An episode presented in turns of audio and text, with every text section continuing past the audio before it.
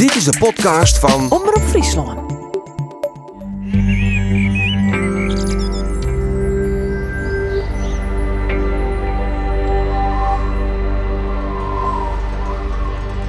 Dit is Beklimmers, de podcast.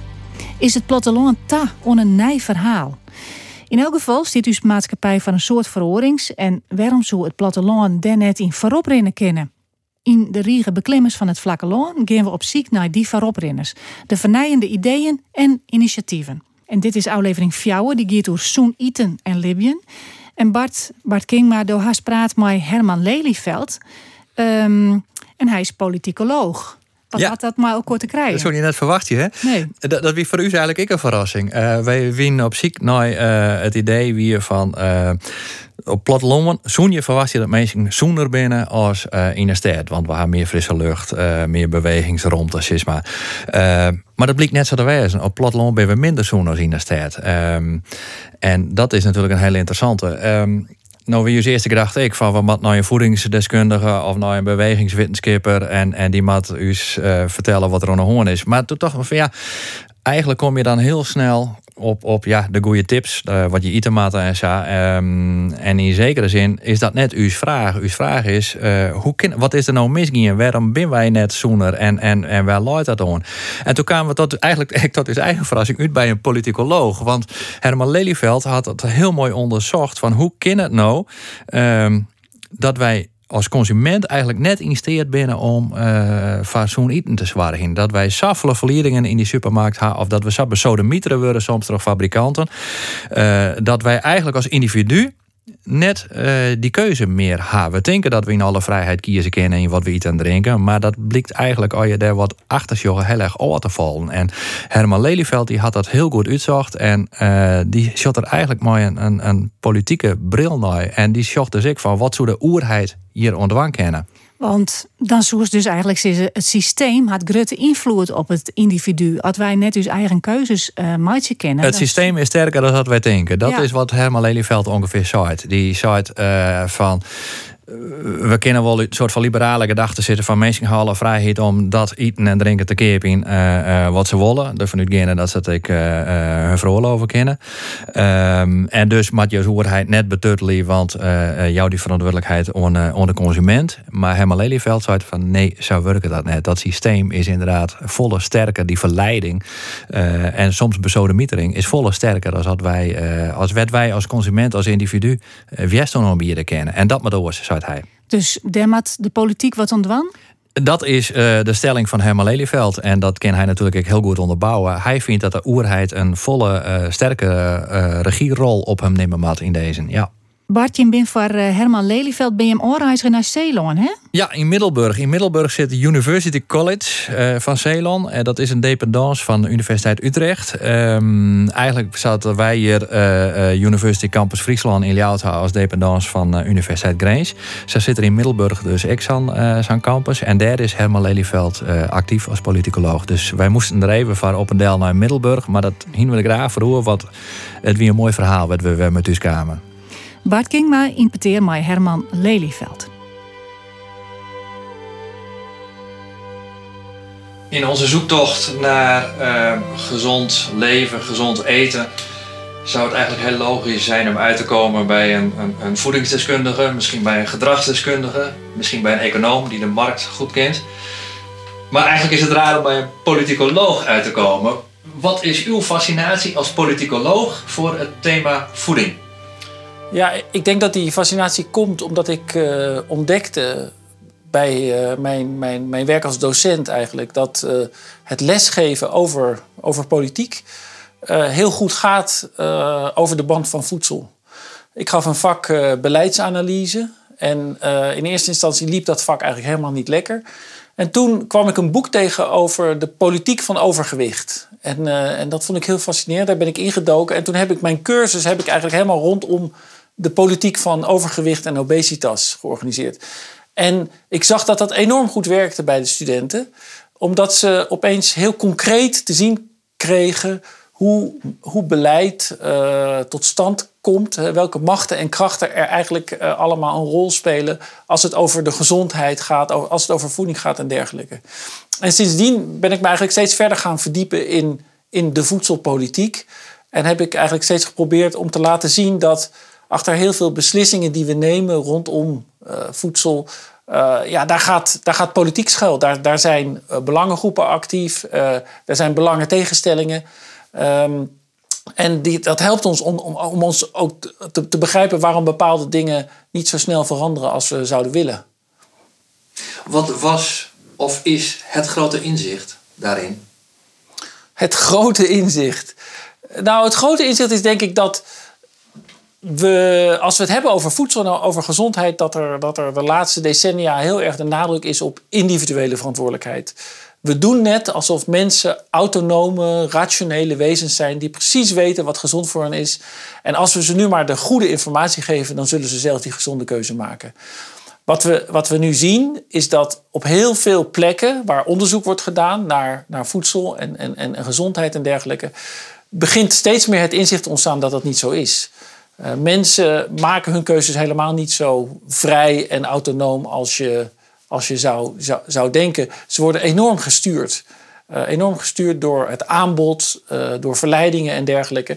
En dat heeft allerlei consequenties voor de manier waarop we ons beleid moeten inrichten.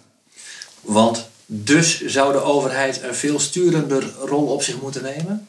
Nou, wat je, wat je ziet is dat de, de, de overheid heel lang uh, de nadruk heeft, heeft gelegd op uh, het, het, het zelfstandig keuzes maken door mensen. Mensen beter informeren, mensen op hun eigen verantwoordelijkheid wijzen. Maar we weten dat het niet werkt. Er zijn ook heel veel onderzoeken gedaan, bijvoorbeeld naar de vraag helpt het als je een stoplicht op een etiket zet? Uh, helpt het als je de mensen dan ook nog een cursus geeft uh, die hen duidelijk maakt waarom een rood stoplicht ongezond is en een groen stoplicht gezond en dergelijke? En zelfs als je al die dingen doet om mensen beter te, te, te informeren, dan nog is er een hele grote kloof tussen wat mensen weten en wat mensen doen. en, en als je die kloof wil overbruggen, dan zal je toch actiever moeten sturen als, als, als overheid ik hoor nu meteen heel veel mensen achter mij uh, roepen van... oh jee, Oostblokmethode. Ja, en dat is natuurlijk het interessante als je het over voedsel hebt. Voedsel komt heel dichtbij.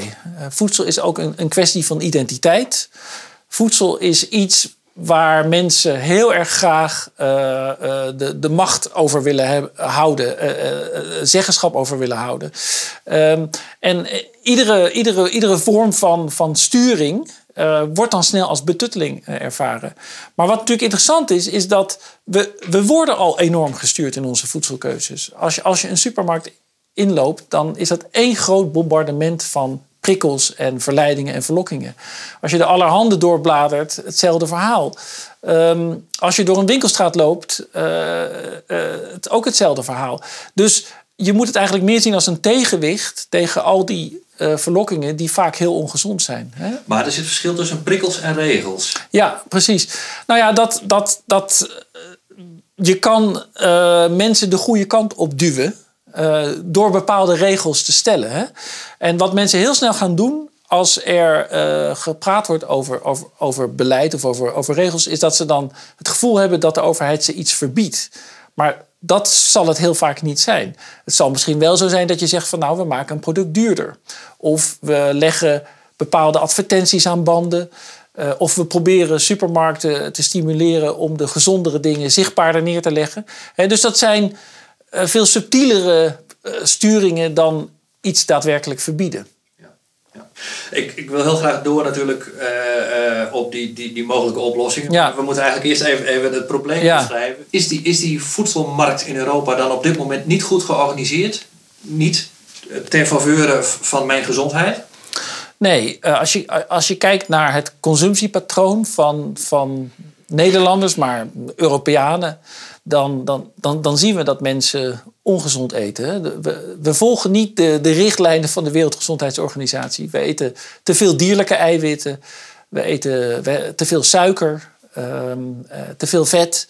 Um, en dat komt voor een groot deel doordat uh, het, het, het, eten dat we aangeboden krijgen Uh, dat, dat is heel erg lekker gemaakt en verleidelijk gemaakt. En daar kunnen wij met ons zeg maar, primitieve lichaam, dat nog uit de oertijd stamt, wij kunnen daar geen weerstand aan bieden. Dus wij hebben een natuurlijke neiging om te veel te eten. Uh, uh, ten opzichte van wat we, wat we eigenlijk nodig zouden hebben. Um, en als we daarvan af willen, dan moeten we ervoor zorgen dat dat aanbod aan voedsel dat dat gezonder wordt. Uh, en dat is de grote uitdaging.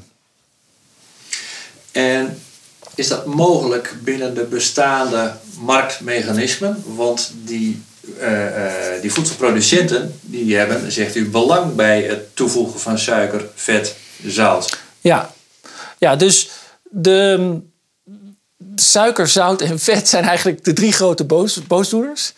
Uh, en voor de voedselindustrie zijn dat uh, drie hele belangrijke ingrediënten. Uh, ze zijn goedkoop, maar ze vervullen ook allerlei andere belangrijke functies met betrekking tot de houdbaarheid, de, de krokantheid van dingen en dergelijke. Um, en als je dus daar wat mee wil doen, dan, dan moet je eigenlijk regels stellen over de samenstelling van producten. En dan wordt het, maar, dat, maar dat gebeurt ja, toch al? Op Europees niveau. Precies, nou ja, dat, dat, dat gebeurt uh, nog maar heel beperkt eigenlijk. Uh, en, en als je daar wat aan wil doen, dan moet je dat op Europees niveau doen. En, en dan, dan is het meteen heel ingewikkeld. Want dan moeten we met 27 lidstaten uh, tot overeenstemming komen over de maximum hoeveelheid suiker die er in frisdranken moet zitten en dergelijke. Uh, of, of, of hoeveel, hoeveel verzadigd vet er, uh, er ergens in mag zitten en dergelijke. Um, dus die, um, die Europese markt die heeft ons voedsel heel goedkoop gemaakt. Uh, maar ook tegelijkertijd het maken van regels om ervoor te zorgen dat het ook gezond is, heel moeilijk. En daar zit een, daar zit een heel groot probleem. Want dat betekent dat wij op, op landelijk niveau eigenlijk alleen nog maar uh, via vrijwillige afspraken met de industrie tot een gezonde aanbod kunnen komen. En dat blijkt heel erg moeilijk. Als je, als je kijkt naar de manier waarop in Nederland uh, er nu al jarenlang met de industrie zeg maar, onderhandeld wordt over wat dan heet uh, productsamenstelling, dan gaat dat ontzettend langzaam. En de, de industrie heeft daar eigenlijk heel weinig zin in. Maar even, even terug naar Europa. Als wij van Bulgarije tot Zweden weten dat te veel suiker en zout en vet eten niet goed is, dan zou het toch niet zo moeilijk hoeven zijn om, om als Europa daar regels over af te spreken? Nou, er, zijn, er zijn twee dingen hier. Ten eerste verschilt het wel van land tot land in hoeverre we een land dat als een probleem ziet. En je kan in zijn algemeenheid zeggen dat de noordelijke landen die vinden het probleem van overgewicht en dergelijke een veel groter probleem dan, dan andere landen, de nieuwe lidstaten en de zuidelijke landen. Dus daar zit al een verschil van inzicht tussen de lidstaten, zeg maar. Uh, het andere is dat de voedsellobby in Brussel is enorm sterk, enorm machtig. Dus als jij het op Brussels niveau probeert te regelen, dan zal je daar ook een hele machtige voedselindustrie tegenkomen. En dat hebben we bijvoorbeeld gezien bij de, de zeg maar de etikettenverordening, die uh, in, in 2011 uh, in, in werking trad. Daar werd keihard gelobbyd door de, door, de, door de industrie om die etiketten zo onleesbaar mogelijk te maken. He, het, het, de, de, dat, dat ging tot op de grootte van de, van de, van de letters op de verpakkingen. Hè? En die moesten uh, kleiner worden. Hè? Waardoor iedereen die boven de 40 is een leesbril nodig heeft om te zien hè, wat erin zit. Bovendien gingen die, eh, die, etiketten ook naar de achterkant van de verpakking. Hè? Dus um, als je al ziet dat het zo moeilijk is om gezonde etiketten eh, te krijgen, nou, dan zal je zien dat, dat regels over maximale hoeveelheden vet, zout en suiker, dat dat heel moeilijk wordt. Dat, dat wordt heel snel, zal de industrie zeggen, nee, dat kan je niet van ons eisen, want dat is, dat is technisch onmogelijk. Uh, je neemt de vrijheid van de ondernemers weg, laat dat nou aan de markt over, et cetera, et cetera. Dus die lobby is heel erg sterk. Niet alleen op landelijk niveau, maar ook in Europa. En die lobby is sterker dan ik noem het maar de gezondheidslobby of de, de consumentenlobby? Ja, ja, en dat komt omdat uh, de, de voedselindustrie is een, is een geconcentreerd belang. Hè. Die, die zijn georganiseerd in, um, in, een, in een hele, hele machtige lobbyorganisatie, Food Drink Europe. Uh, ja, die betalen uh, met liefde hun contributie aan die club. Uh, dat, is een, dat is een zwaar gewicht ten opzichte van de, de Verenigde Consumentenbonden. Hè, de, de, de, de consumer unions uh, en ook de gezondheidsfondsen, zeg maar, die zijn veel minder sterk dan, uh, dan, ja, dan de voedselindustrie. Ja. Het, het klinkt bijna als een soort van complot van, van de voedingsindustrie. Ja. Als we met z'n allen weten dat het zo fout is, Ja. wat, wat is er dan zo cynisch of zo verwrongen Ja. aan, aan dat systeem dat, dat, we daar Ja. niet, dat we dat niet weten te doorbreken? Nee, het, het mooie is, ook als politicoloog, ik, ik geloof niet in complotten. Ik, ik geloof in goed onderzoek. Eh, je, je hoeft helemaal geen complot te zien. Er is een belangentegenstelling. En, en het is heel eenvoudig. Eh, de, de, de, de voedselmarkt is een hele competitieve markt. Er moet winst worden gemaakt. En dat kan je die bedrijven ook niet verwijten. Hè? Dat is de logica van de markt. Ehm, ze gaan tot het gaatje om zo goedkoop mogelijk te produceren en om zoveel mogelijk producten te verkopen. Dat is duidelijk. Ze zullen ook tot het gaatje gaan in ervoor zorgen dat de regels eh, waar ze zich aan moeten houden, dat die zo gunstig mogelijk voor hen zijn. Nou, en dan, dan is er een enorme one- onevenwichtigheid tussen die, die macht en die belangen van die voedselindustrie en zeg maar wat, wat we dan noemen de diffuse belangen van gezondheid, burgers, et cetera. Want jij en ik, wij liggen niet s'nachts wakker eh, van de vraag eh, hoe, hoe groot nou dat stoplicht moet zijn dat voor op de verpakking moet komen. Maar die professionals van de voedselindustrie die zijn daar dag en nacht mee bezig.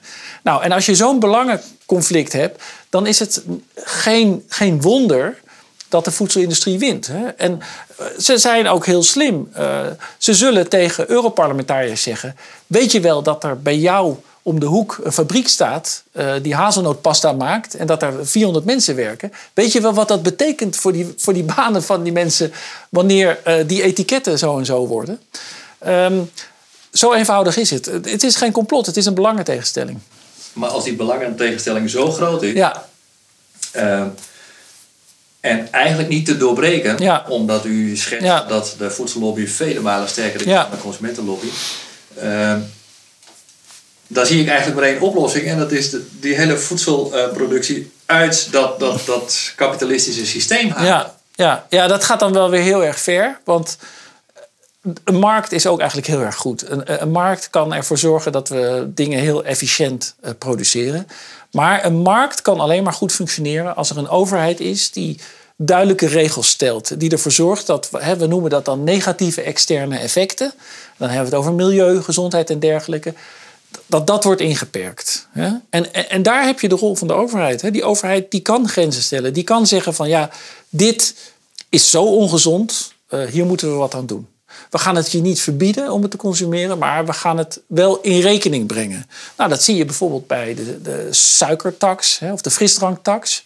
Eh, daar, daar hebben ze in Engeland bijvoorbeeld eh, al gezegd van ja, dit is zo'n groot probleem. Uh, wij willen dat die industrie zijn verantwoordelijkheid neemt. Uh, dus prima, als jullie nog steeds uh, 10 gram suiker per 100 milliliter in je cola willen doen, prima. Maar dan komt er wel uh, 25 cent per liter belasting op.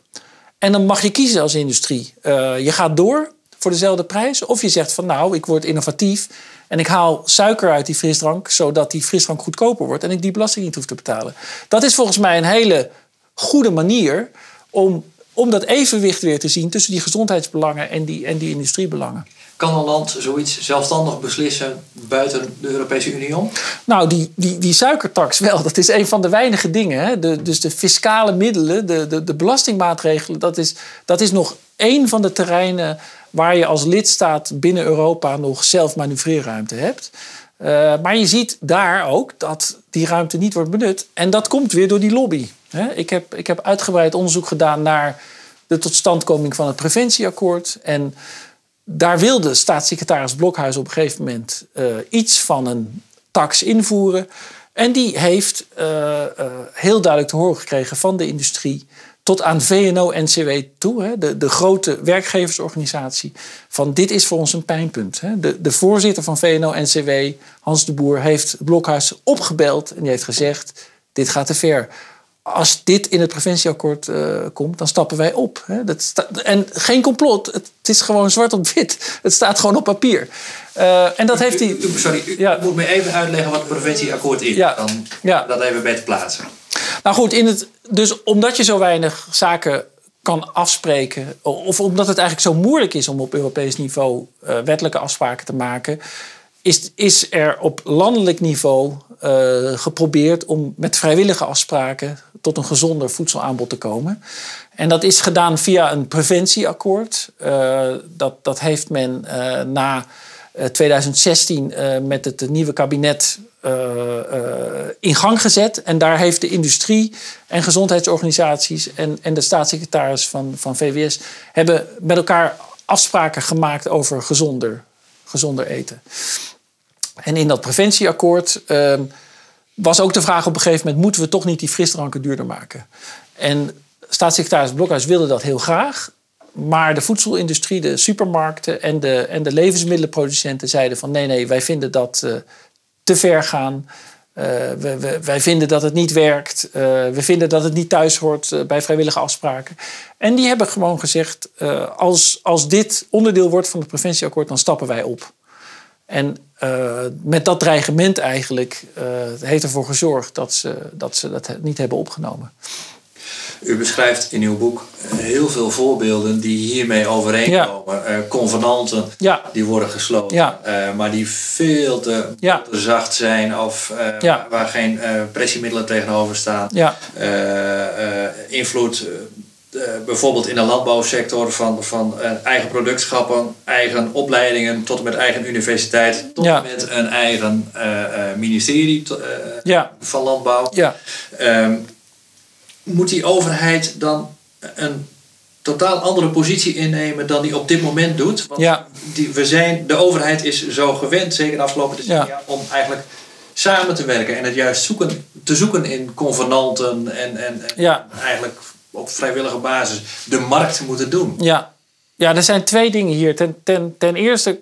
Uh, moet je het historische perspectief zien eigenlijk. Uh, waarbij je echt kokers hebt van beleid. Hè? En het landbouwbeleid, dat weten wij ook als politicologen. De, de ijzeren driehoek werd dat ook wel genoemd. De ijzeren driehoek van um, onderwijs, uh, politiek en, uh, en, en, en, en, ambtenaren eigenlijk. Um, die um, er in een, in een, in een 1, 2, 3'tje eigenlijk uh, de belangen van de landbouwsector altijd centraal hebben gesteld. En dat is een perspectief van productie. Um, het idee, en dat is heel begrijpelijk, hè, dat komt na de Tweede Wereldoorlog, voedselschaarste. En dan zeg je van, jongens, er moet voldoende betaalbaar eten zijn. En daar gaan we alles op zetten. En dat is een waanzinnig succes geweest. Dat is ook heel goed geweest. Hè. Nu zit je in een ander tijdsgevricht, hè, waarbij je ziet van nou ja, dat voedselsysteem dat barst in zijn voegen, barst uit zijn voegen. Uh, het is vervuilend uh, um, en het is ongezond. En dan kom je er dus niet meer met dat ministerie van Landbouw dat een mindset heeft van productie. En waar de producenten kind aan huis zijn. Dan moet je dus ook zeggen van oké, wat betekent het voor gezondheid? VWS. En wat betekent het voor, voor, voor milieu? Ja, we, hebben zelfs geen ministerie voor milieu. Maar je moet dus naar een integraler beleid. Um, dus die omslag is heel erg noodzakelijk. En dat is dus een omslag van landbouwbeleid naar voedselbeleid. En er zijn heel veel stemmen die dat inmiddels zeggen. Hè? Uh, de Wetenschappelijke Raad voor het Regeringsbeleid heeft het vijf jaar geleden gezegd. Dat is natuurlijk niet de minste, dat is de belangrijkste adviseur van de regering. Die heeft gezegd, we komen er alleen maar als we van een landbouwbeleid naar een voedselbeleid gaan. Het Planbureau voor de Leefomgeving zegt het. De Europese Unie is er ook mee bezig. Die heeft nu een nieuwe farm-to-fork-strategie. Die gaat veel verder dan uh, wat er ooit gebeurd is. En dat is ook in, in Brussel geeft dat ook een hoop spanning. Want het landbouwministerie in Brussel, het, het, DG Agri, ziet ook wel van: oh, oh, daar gaat onze positie. Dat, waren, dat was vroeger, was dat, hè, dat was het ministerie waar het geld van de landbouwsubsidies verdeeld werd. En nu opeens is er een commissie die zegt van: hé, hey, het moet ook gezond zijn en het milieu moet, moet ook goed worden uh, verzorgd. Dus die omslag is, is, is, is heel erg belangrijk. Dat is één. Het tweede is, we komen ook uit een geschiedenis van, van marktwerking, van liberalisering, van, hè, waar, uh, van, van de consument die uh, precies weet wat goed voor hem of haar is. Um, ook daar zien we een omslag. Hè. We zien op dit moment ook wel dat we, dat we, dat we moeten erkennen eigenlijk dat um, mensen niet zo vrij zijn in hun keuzes als, als, als ze eigenlijk denken. Uh, en dat, dat het belangrijk is dat de overheid kaders stelt uh, en, en, en ja, de macht van producenten eigenlijk beteugelt. Hè? En dat is, dat is ook een omslag die we, ja, die we nodig hebben zeg maar, om naar een gezonder voedselsysteem te komen. Ja. Zegt u daarmee eigenlijk, u noemde zo pas het voorbeeld van Engeland, frisdrank. Ja. Uh, zegt u daarmee eigenlijk dat sommige, althans van ons omliggende landen, maar ook Europa met zijn farm-to-fork strategie, eigenlijk verder zijn dan de Nederlandse overheid? Ja, zeker. Dat, dat, dat denk ik wel. Wij, hebben, uh, wij, wij, wij, wij, wij zijn altijd heel trots op, op ons poldermodel. Hè? Maar dat poldermodel is ook dat convenantenmodel. En uh, de, de, zeg maar, laten we zeggen, de donkere kant van het poldermodel is, is, is toch het, uh, de vrijwilligheid, het achter de schermen, het intransparante.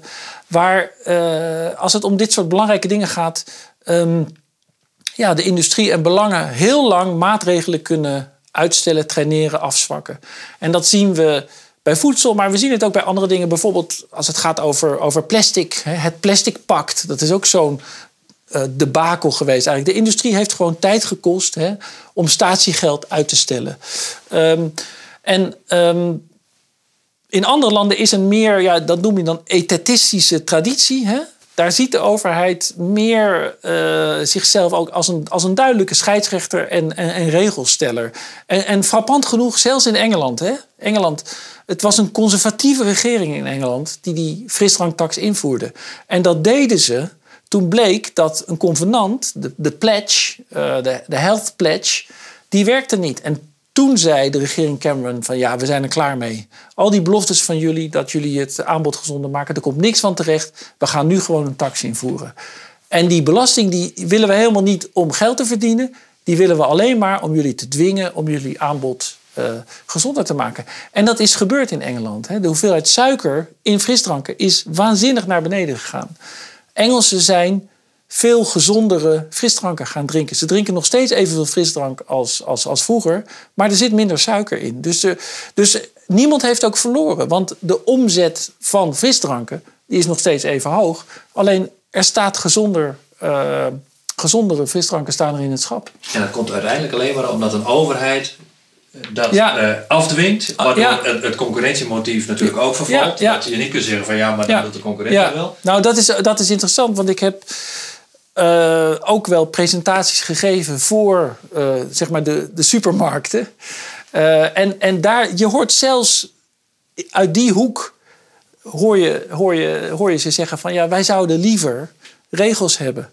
Want er wordt steeds gezegd maatschappelijke verantwoordelijkheid. Jullie moeten als supermarkt je verantwoordelijkheid nemen. Maar als jij, als jij, als jij hè, in, echt met deze marges met elkaar moet concurreren, dan kan je als supermarkt kan jij niet in je eentje die stap zetten. Dat kan niet, want dan lopen de mensen naar uh, de concurrent. Dus liever een overheid die die regels voor ons stelt en die dan voor iedereen gelden. Dat is, uh, dat is wat je uit de sector zelf hoort. Ja. Ik, wil, ik wil graag proberen een beetje uh, duidelijker uh, te kijken naar, naar hoe u de oplossing ziet. Hoe, hoe dan precies die rol van die overheid moet zijn. Ik zei zo pas gekscherend, haal het uit het kapitalistische systeem. U zegt van nee, dat moeten we niet doen, want die markt heeft, heeft ook zijn functie. Uh, ik zei ook gekscherend van nou, Oostblokmethodes. Uh, maar wat, hoe, hoe kan die overheid zijn rol vervullen binnen dat want dat is wat u zegt, dat kapitalistische systeem op zichzelf moet je niet overboord gooien, ook niet in die voedingsindustrie. Maar die, die overheid moet daar een andere positie in zich in verwerven. Hoe makkelijk of hoe moeilijk is dat? Hoe, hoe kunnen we dat doen? Ja, de overheid kan regels stellen waar marktpartijen zich aan moeten houden. Dat is, dat is, dat is een belangrijk. Uh, uh, dat is één belangrijke component. Hè. En dan en dan hebben we het ook bijvoorbeeld over hè, wat we dan noemen de, de, de obesogene omgeving. Hè? Het feit dat, dat, de, dat de, de plekken waar we rondlopen, de winkelstraten en dergelijke, daar zit heel veel ongezond aanbod. Hè? Dus je, je, je kan het dus bijvoorbeeld ook hebben over hoe, hoe richten we de stad zo in hè, dat die uitnodigt tot gezond gedrag. En dan gaat het zowel over de inname, maar het gaat ook om de mogelijkheden om te bewegen en te sporten en dergelijke. Dat is natuurlijk ook allemaal heel belangrijk. Um, dus het is regels voor een deel hè, en het is voor een deel ook geld. Uh, je, kan, je kan het geld uh, de goede kant op duwen. Ehm, en, en, en, en, daarmee zeg maar gezond gedrag stimuleren. Dat zijn bijvoorbeeld kleine dingen als, als schoolfruit. Hè? Dat, dat mensen, mensen, mensen opvoeden, opleiden, kennis laten maken met gezonder eten dat zijn de manieren waar je, waar, waar, waarmee je de ontwikkeling een duwtje in de rug kan geven. Natuurlijk is het zo dat uiteindelijk is het niet de staat die bepaalt dat jij gezond gaat eten. Daar, gaat het uiteindelijk niet van komen. Maar het gaat wel over, om een voorbeeldfunctie. Hè? Ehm, het gaat om het ehm, extra uh, momentum geven zeg maar, aan een, zeg maar, ook een soort culturele hè, ontwikkeling. Waarbij het op een gegeven moment ook niet meer hip is om ongezond uh, te eten. Net zoals het steeds minder hip is om te roken, moet het ook steeds minder hip worden om ongezond uh, te eten.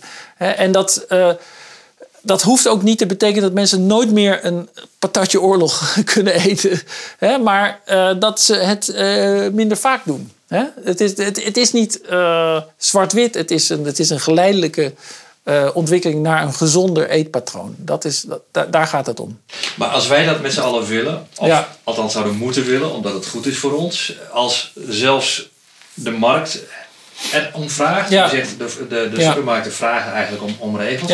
Hoe krijgen wij dan de overheid zover dat die, die die rol op zich gaat nemen? Want ik zie het nog niet gebeuren op dit moment. Ja, nou dan, dan zeg ik dus als, als politicoloog, zeg ik van ja, kijk, uiteindelijk is die overheid, uh, die zit daar namens ons. En wij kunnen, wij kunnen met ons stemgedrag natuurlijk uh, ook hiervoor kiezen. Als wij, als wij dit belangrijk vinden, dan, dan, dan moeten wij ook eens kijken... waar staan al die verschillende politieke partijen voor... als het gaat over uh, het voedselbeleid, over gezond eten... over wat we, wat we moeten doen om ja, om, om onze samenleving gezonder en gelukkiger te maken. Vergeet ook bijvoorbeeld niet, hè, natuurlijk heel actueel, de hele COVID-crisis. Uh, en de relatie ook tussen de ernst van uh, een COVID-infectie en, en overgewicht, die, die, is best wel sterk. Hè? Dus er is, het, het is bijna letterlijk van levensbelang dat we met z'n allen gezonder gaan, gaan leven en gezonder gaan eten waarbij de overheid een belangrijke rol heeft en waarbij ons stemgedrag daarin uiteindelijk dus best heel bepalend zou kunnen zijn. Ja, dat, en dat is ook misschien ook weer even terug naar het verhaal van de, van de complotten. Uh, uiteindelijk is het ook weer niet zo ingewikkeld. Uh, gelukkig zijn er heel veel politieke partijen uh, in Nederland, misschien zelfs wel te veel. nou, die hebben daar hele verschillende meningen over. Uh, en en, en, en als, jij, als, jij, als jij vindt dat, uh, dat, dat, uh, dat de overheid een grotere rol heeft, dan kies je voor een partij die daar de nadruk op legt. Als jij zegt van nee, nee, ik wil die betutteling niet, nou ja, kies dan voor een partij die tegen betutteling is. de keuze is, is aan de kiezer. Ja. ja. ik, ik wil nog even, even een, ja. een ander ding in afval met u aansnijden. Ehm, want daar hebben we nog helemaal niet over gehad. over het platteland. plattelanders ja. denken dat ze gezonder leven en eten dan stedelingen. Terwijl juist in de stad meer biologisch wordt gegeten. Uh, meer uh, uh, initiatieven ook zijn, zoals gezamenlijke volkstuinen, voedselcoöperaties, dat soort zaken. Hoe verklaart u dat? Nou, een heel groot deel heeft te maken met op opleidingsniveau. Er is een heel groot verband tussen gezond eten en opleidingsniveau. En in het algemeen is het heb je in de, in, in de steden heb je een grotere groep hoogopgeleiden... Waarom, waar, waaromheen zich dan een cultuur van gezond eten ontwikkelt. Hè? Het is makkelijker dus ook, ook, ook als je gewoon kijkt... als jij een, als jij een, een, een, een, een eettentje wil opzetten dat heel gezond is, dan is dat makkelijker in de stad. Dan heb je een grotere massa dan, uh, dan, op, het, uh, dan op het platteland, uh, zeg maar. Ja, dus dat is, dat, is, dat is een hele belangrijke factor. Ja we hadden het zo pas vooral over Europese overheid, landelijke overheid. Wat zou in dit verband dan de, de taak van een uh, lokale of een provinciale overheid kunnen zijn of moeten zijn?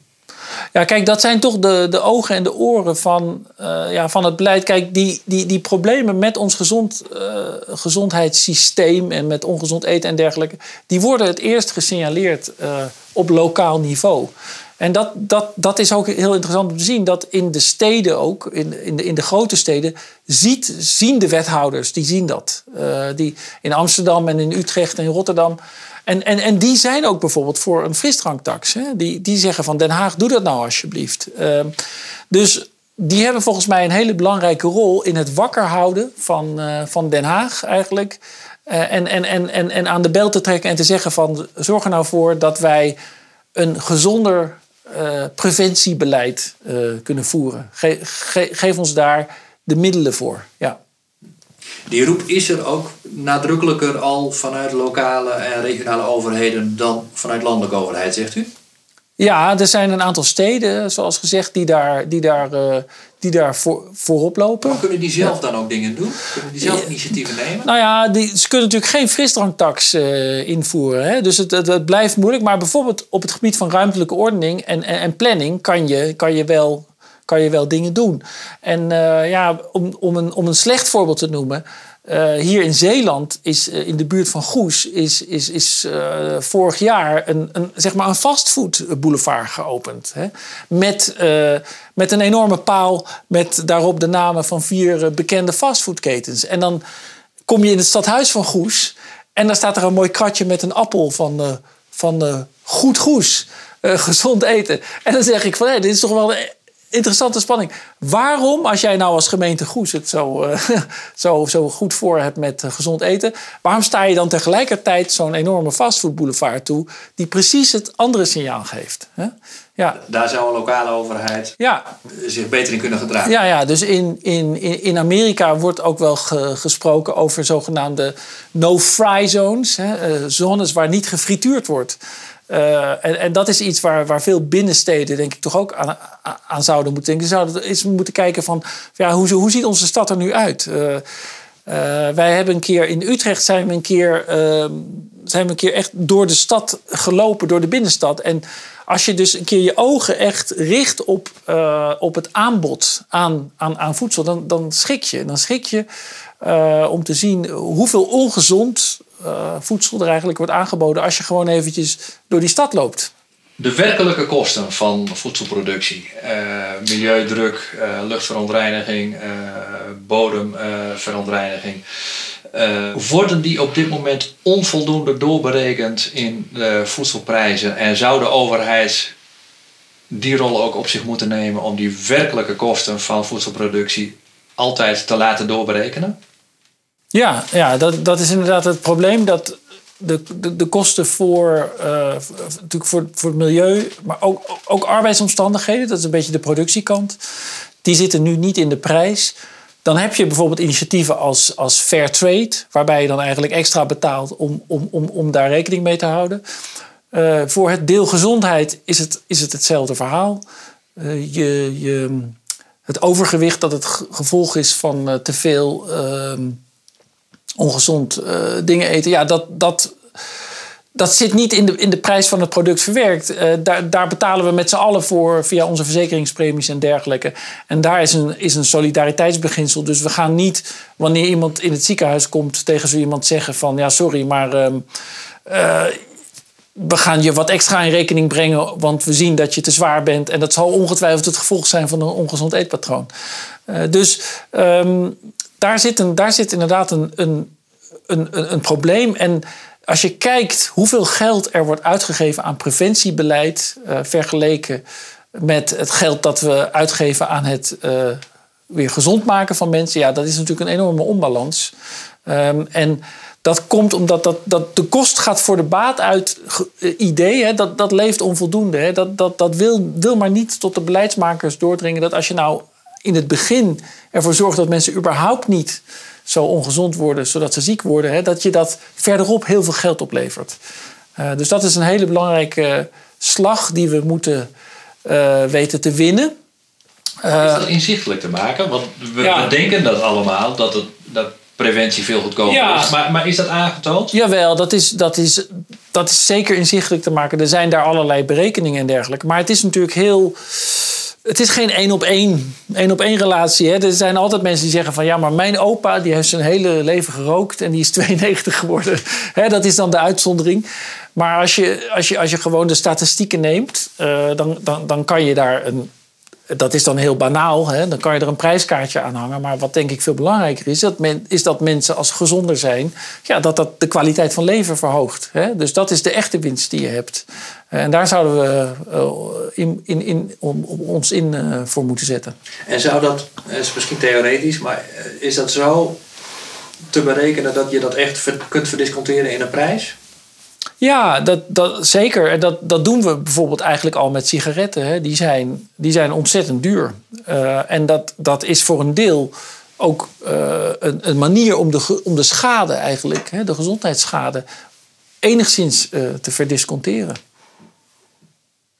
En geldt dat ook voor uh, milieubelasting? Uh, is het te berekenen, want dat lijkt me ontzettend lastig namelijk. Ja. in, we zijn de bodem aan het uitputten met onze huidige manier van landbouw. Maar dat is toch bijna niet te berekenen hoe groot die schade is en over welke termijn heb je het. En hoe zou je dat moeten verrekenen in een krop sla in de winkel?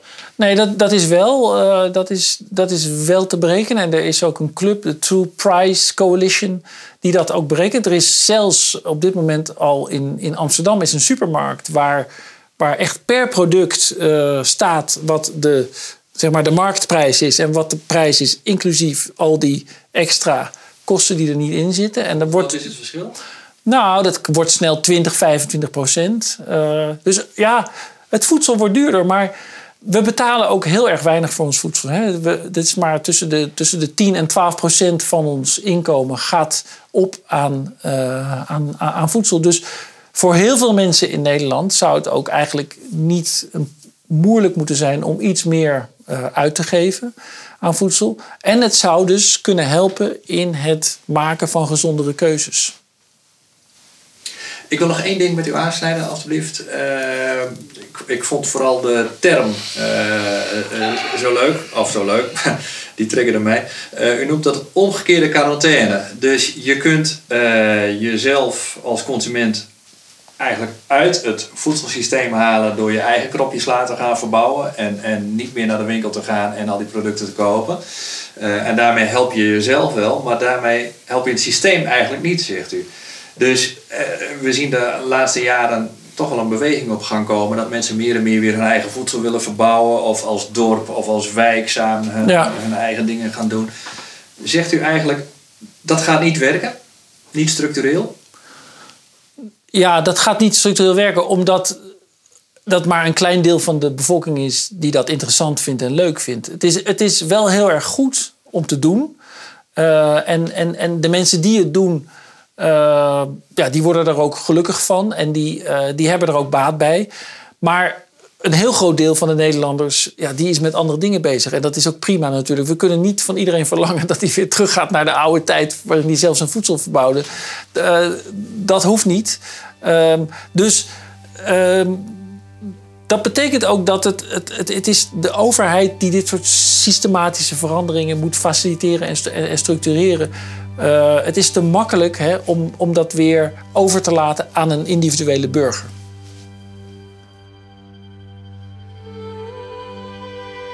De verantwoordelijkheid van de burger en die van de oerhiet die met de hoorn in hoorn gaan, zei politicoloog Herman Lelyveld.